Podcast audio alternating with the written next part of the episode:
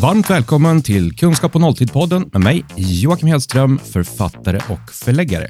Och idag så har jag med mig Frida Södermark som har skrivit böckerna Orka, Träning och äventyr i vardagen och Våga, en väldigt annorlunda reseguide. Frida är faktiskt en av världens bästa ultralöpare och är för det mesta ute på äventyr i världen. Och idag så är det här för att snacka självledarskap och befinna sig utanför komfortzonen. Och just att våga vara där, där det faktiskt är jobbigt. Välkommen hit Frida. Tack så jättemycket Joakim, kul att vara här. Att vara där det är jobbigt.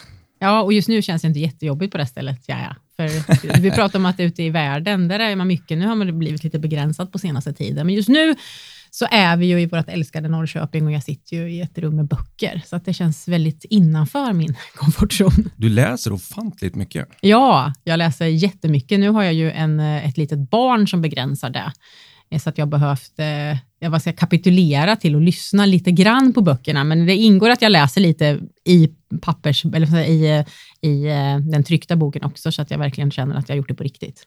Jag känner väl att det är läge för henne. Hon är väl ett och ett halvt, vad är hon? Ja. Att börja lära sig just utanför komfortzonen, självledarskap. Jag tänker att hon är nog ganska mycket utanför sin komfortzon hela tiden, som vi får, som vi får hantera i och för sig. Sen, eh, om hon lär, ja, sen lär hon sig väl väldigt mycket. Faktiskt inte, det, var en, det har jag inte tänkt så mycket på hur hon jobbar med sin eh, utanför komfortzonen, men när du säger det så är det ju jättemycket så för ett litet barn. Vi just nu så försöker vi att eh, söva henne utan på ett nytt sätt och det är ju väldigt mycket utanför hennes komfortzon, låter det som. Ja, men det var inte meningen att det skulle bli något Nej, men det blev seriöst jätte... i det. Men... Nej, men det blev ju jätteseriöst. Ja, det är ju verkligen där. Det, det, här säger ju väldigt mycket om vad vi kommer prata om nu, att det är så mycket eh, saker man lär sig genom att vara i den zonen. Absolut. Som i, vad menar du? Ja, men jag, alltså, om jag, jag är som du sa en, eh, en duktig ultralöpare. Jag springer väldigt, väldigt, väldigt långt och eh, det blir man ju inte automatiskt, utan det gäller ju att vara bra på att hantera jobbigt för att fortsätta, för det blir jobbigt när man ska springa. I mitt fall då är min huvuddistans 100 kilometer och hur man än eh, tar sig an den utmaningen så kommer det bli jobbigt när man springer i mellan tummen och pekfingret, ja, i mitt fall då runt åtta timmar utan att stanna. Det, det, det, det, handlar ju om att det ska bli mindre jobbigt. Alltså man tränar ju på att det ska bli en så trevlig resa som möjligt. Och för att eh, det ska bli det, då behöver man ju träna på att ha upplevt de jobbiga, jobbiga stunderna som kan inträffa. Men nu vet jag att alla inte springer 100 kilometer. Och, nej, och, det, och det är egentligen inte din poäng. Nej, för att, för att det är ju många som gör andra saker som också är jobbiga och det samma principer gäller överallt. Det är därför jag gillar att utsätta mig för den här zonen och även tipsa andra om att faktiskt våga gå in där. Fast om jag ser till mig personligen, jag är en väldigt lat person och visst, människor är byggda lata, men det känns som att jag är väldigt lat och att jag är som motsagta magnetpoler när jag närmar mig det jobbiga. Som är, här är det jobbigt och så går jag en annan riktning. Mm. Varför ska jag ens gå in där?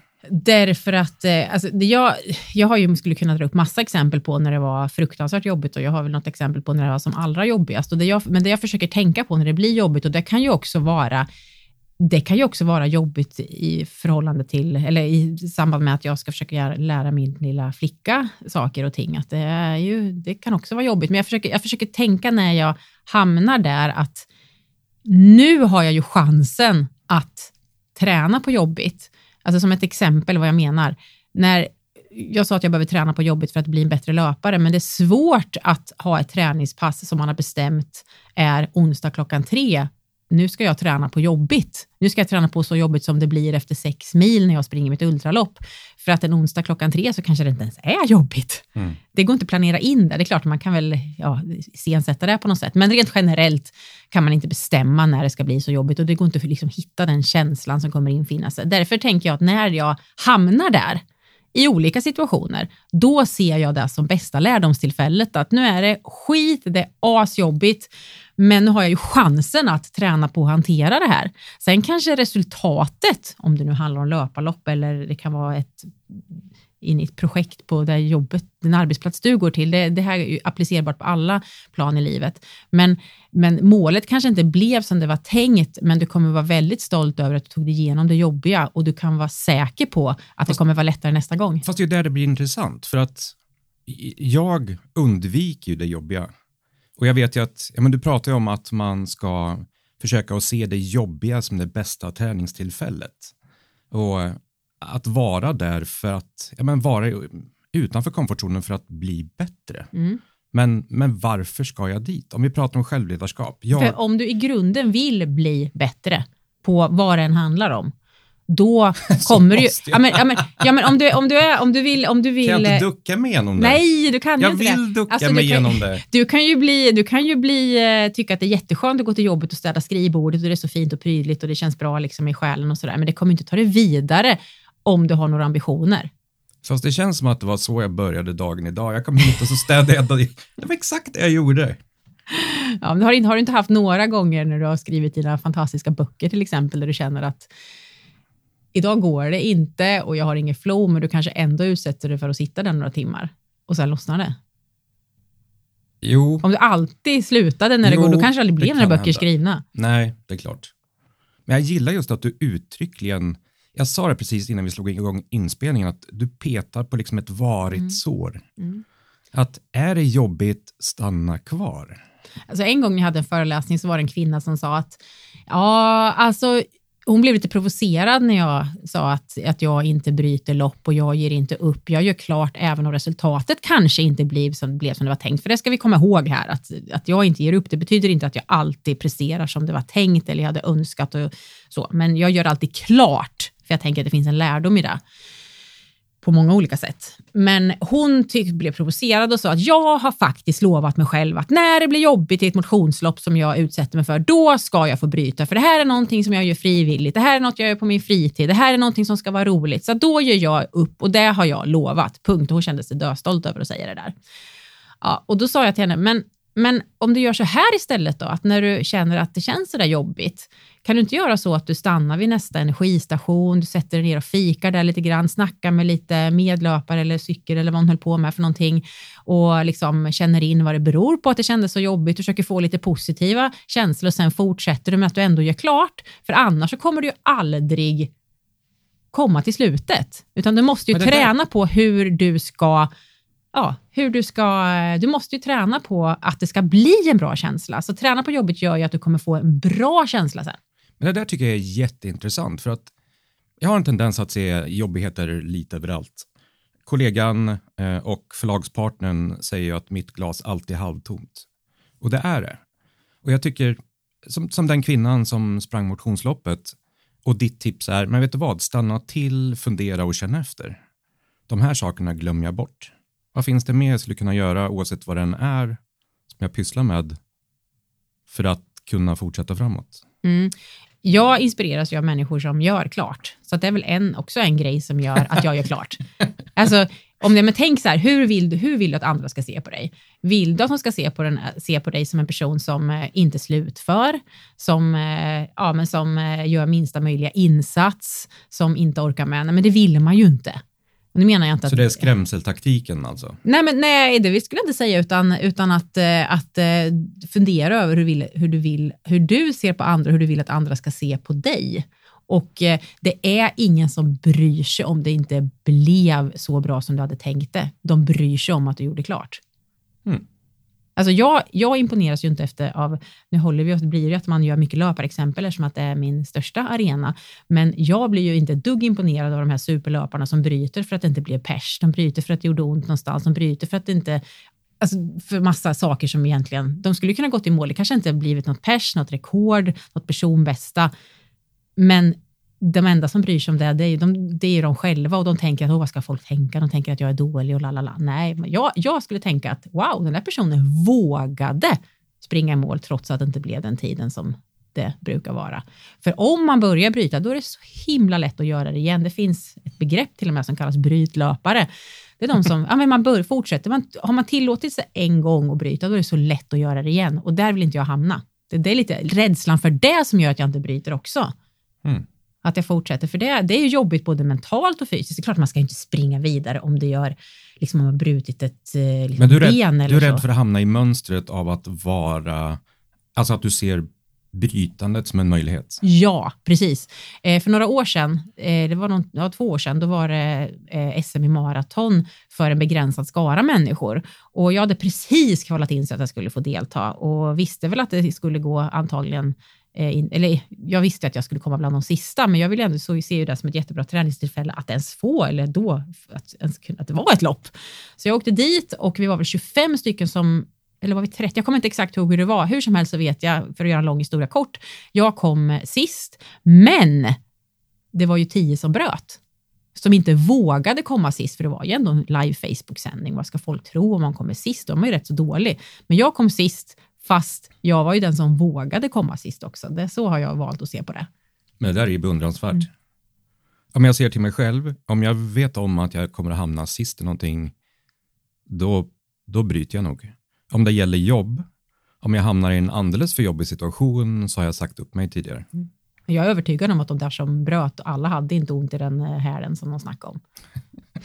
Jag- Eller jag vet att det var, så var det ju inte. Det där satt ju i huvudet.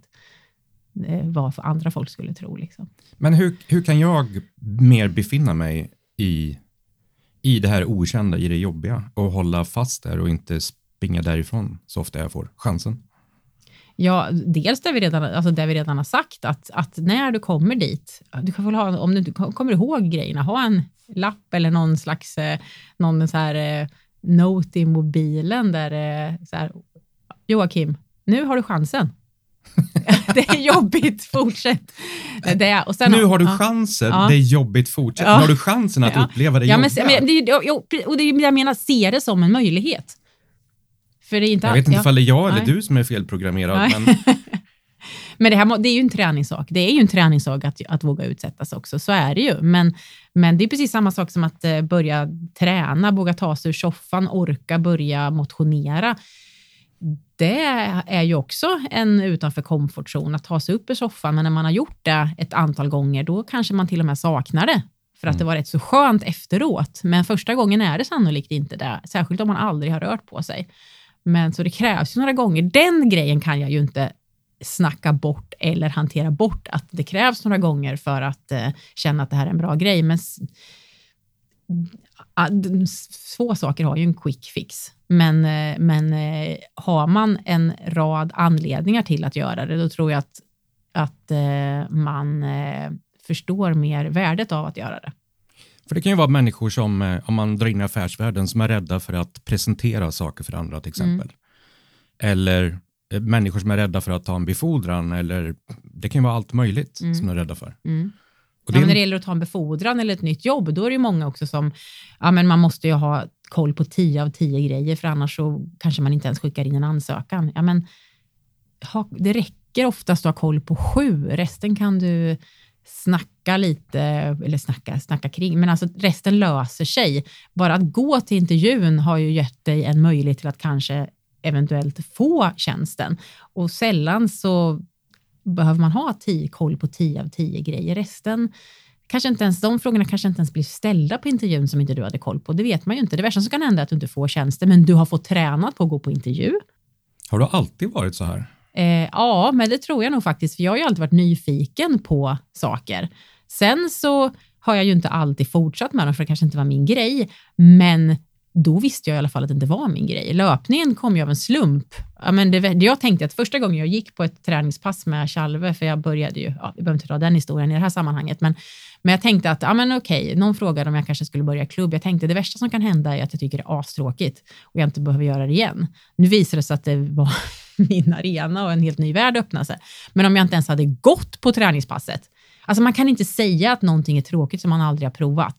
Och, och är det en kompis eller en, ja, någon i din närhet som föreslår att ja, men vi går och kollar på, lyssnar på opera eller vi eh, ska du hänga med på pilbågsskytte eller ska du, ja men jag har tvätttid, det funkar inte eller lalala, som ursäkt, så kommer man ju aldrig veta om man gillar opera. Jag tyckte opera för övrigt har jag varit på en gång, det var ju sådär. Jag är väldigt kulturell och jag går på teaterabonnemang och allting, men opera, ah, Man hörde inte ens vad de sjöng. Liksom. Ja, Det fast du var- provade. Jag provade, men och det, jag, tycker jag är nöjd över att kunna säga att jag var på det en gång, men det var inte liksom... Sen finns det väl säkert andra föreställningar, det ju, förstår jag ju, men, men jag lägger min tid på annat, tänker inte gå så mycket mer på opera.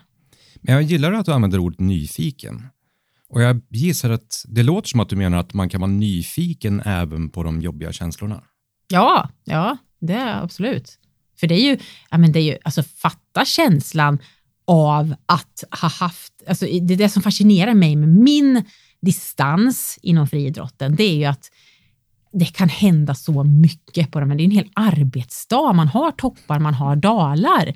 Man kan vara nere i ett djupt hål och hata löpning, aldrig, aldrig mer vilja springa och man liksom har precis kräkts eller man eh, har kramp i hela kroppen och och, och sen kan man faktiskt ta sig ur det här och fortfarande vara med i matchen. Och det behöver inte handla om att vara med i matchen om prispall, vilket ju också har hänt efter sådana här incidenter. Men för gemene man, då, motionär, att ta sig i mål och haft det så jobbigt, alltså fatt, den känslan kan man inte riktigt beskriva i ord.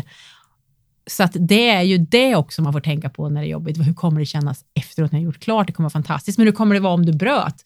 När alla andra som har gjort det står där, eh, kanske sitter på någon eh, ja, något slags firande efteråt eller någon middag som var bestämd och du bröt för att det var lite jobbigt eller kanske till och med mycket jobbigt. Men det var ju lika jobbigt för de andra för de har gjort samma prestation men du sitter där bredvid och ja, du kommer inte, det kommer inte kännas bra.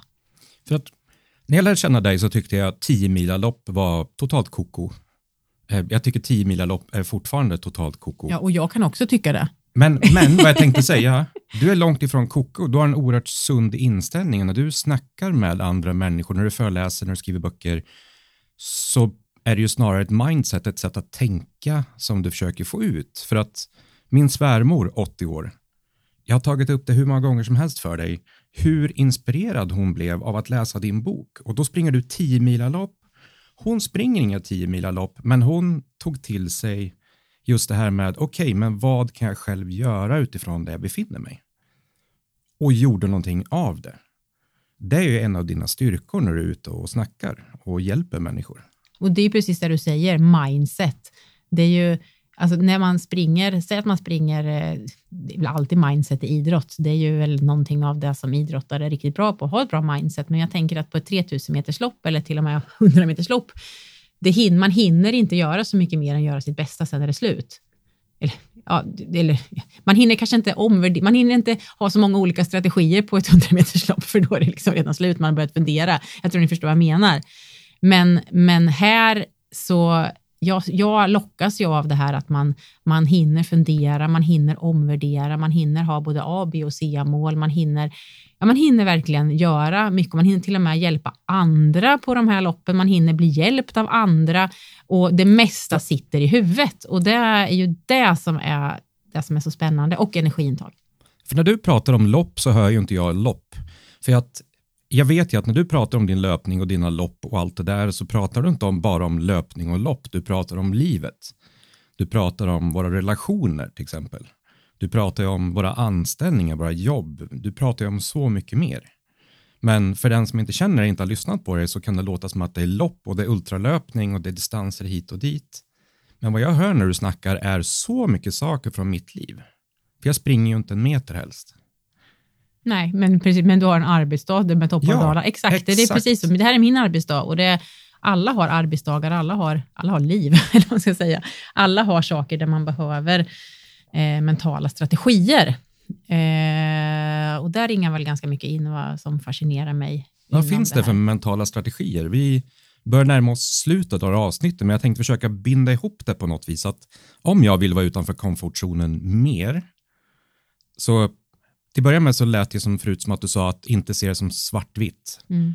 utan jag kan faktiskt stanna till halvvägs igenom, känna efter, utvärdera och sen gå i mål eller jobba hälften så fort med jobbet eller vad finns det mer för Ja, men- strategier? Men när, när, man, när är, man är i en sån här dundersvacka, så då, min strategi då är också att jag tänker ju inte på slutet, för då kanske man inte orkar fortsätta, utan då försöker jag verkligen vara där och då och den kilometern och den ska jag ta mig igenom och en kilometer i min värld. Vi kan prata istället om tio meter om det känns lite mer inkluderande. För mig är inte en kilometer långt, det kanske är det för andra som inte motionerar, men hur som helst. Så då försöker jag liksom stänga in mig i den där boxen som bara är där och då. Och det här en ena foten framför den andra, det är ju ingen klyscha, för så är det ju. Och när man börjar, liksom, man tänker, jag tänker att nu ska jag ta mig fram den här lilla kilometern, sen får vi se vad som händer sen. Eh, för att veta att man har tre mil kvar och det gör så där ont, det är svårt. Utan det handlar om att kanske ta sig till nästa vätskestation. Det kanske handlar om att, eh, att eh, ta sig hit, komma ifatt den som är framför. Det kanske till och med bli omsprungen för att få lite energi och lite pepp och lite goda råd. Eller någon, man kanske saknar energi, man kanske kan få några russin eller vad den där andra har i fickan. Alltså, nu, alltså, och det tror jag också är väldigt eh, viktigt om det är jobbigt en arbetsdag, att det handlar inte om, eh, om vad du ska göra på eftermiddagen, utan gör klart det du håller på med där och då och sen får du se hur resten av arbetsdagen blir. Det är så, man tänker så långt och så stort och då glömmer man bort att det var en liten uppgift som man hade fastnat vid. Var det kanske ett bra svar på, eller, eller, eller rättare sagt, det, var, det är ju en mental strategi och jag jobbar ju också mycket med delmål. Jag går ju inte ut på mina sträckor och tänker 99, 98, 97, det här blir kul. alltså, utan jag, det gör jag ju såklart inte. En gång när jag kom till ett lopp, det var faktiskt mitt första ultralopp och jag, jag vann och fick SM-guld fast jag aldrig hade sprungit 100 kilometer. Ditt Men, första? Ja, jag var uppe i Adak, en liten, uh, liten by uppe i, i Lappland. Och det första jag ser när vi kommer dit med bilen är skylten 99 kilometer kvar. Man bara, yeah. men eh, men, eh, eh, men jag, tänk, jag tänker ju, jag delar ju upp loppet i sådana distanser som jag gör ofta. Och nu återigen, alla springer inte, men för mig så är milen någonting jag gör dagligen. Och så tänker jag, alltid första milen, det är liksom formchecken och det, där, först kör jag den. Sen så kommer det halvmara, sen kommer det mara och sen när man kommer till hälften, då är det 49 kvar och det är mycket kortare än 51, även fast det är en skitlång sträcka. Och så kan man ju även dela upp eh, sin arbetsdag eller det projektet man jobbar i. Här vi är i Norrköping, Ostlänken. Tänka slutet på Ostlänken, man vet inte ens om slutet finns. Alltså det blir för övermäktigt. Utan man mm. tänker delmål, delprojekt, så betar man av och så firar man lite grann för att vara sugen så, på att gå in. Och, men där klev du in direkt i nästa grej. Alltså delmål är en grej. Mm. Fira. Mm. Vad har vi mer? Ja, jag pratade om det här att vara i liksom nuet. Eh, sen kan man ju också använda visuella bilder, att man, eh, man, eh, man, har, en, man har ett ställe, det kan vara, en, eh, det kan vara som er, er sommar, sommarstuga, där ni verkligen trivs och ni känner att det här är vår oas. Den kan man ju blunda och liksom, liksom förflytta sig till när det är jobbigt och tänka att nu är jag här i nu är jag här några sekunder eller några minuter för att hämta energi, för där finns energin och sen så kanske man orkar ta tag i det igen. För mig kan det vara en eh, härlig passage på någon av mina favoritlöparrundor eller något äventyr. Vi pratar om att äventyr i världen. Jag när, du är, när du är ute och springer och det blir jobbigt så tänker du på en annan springtur. Ja, som...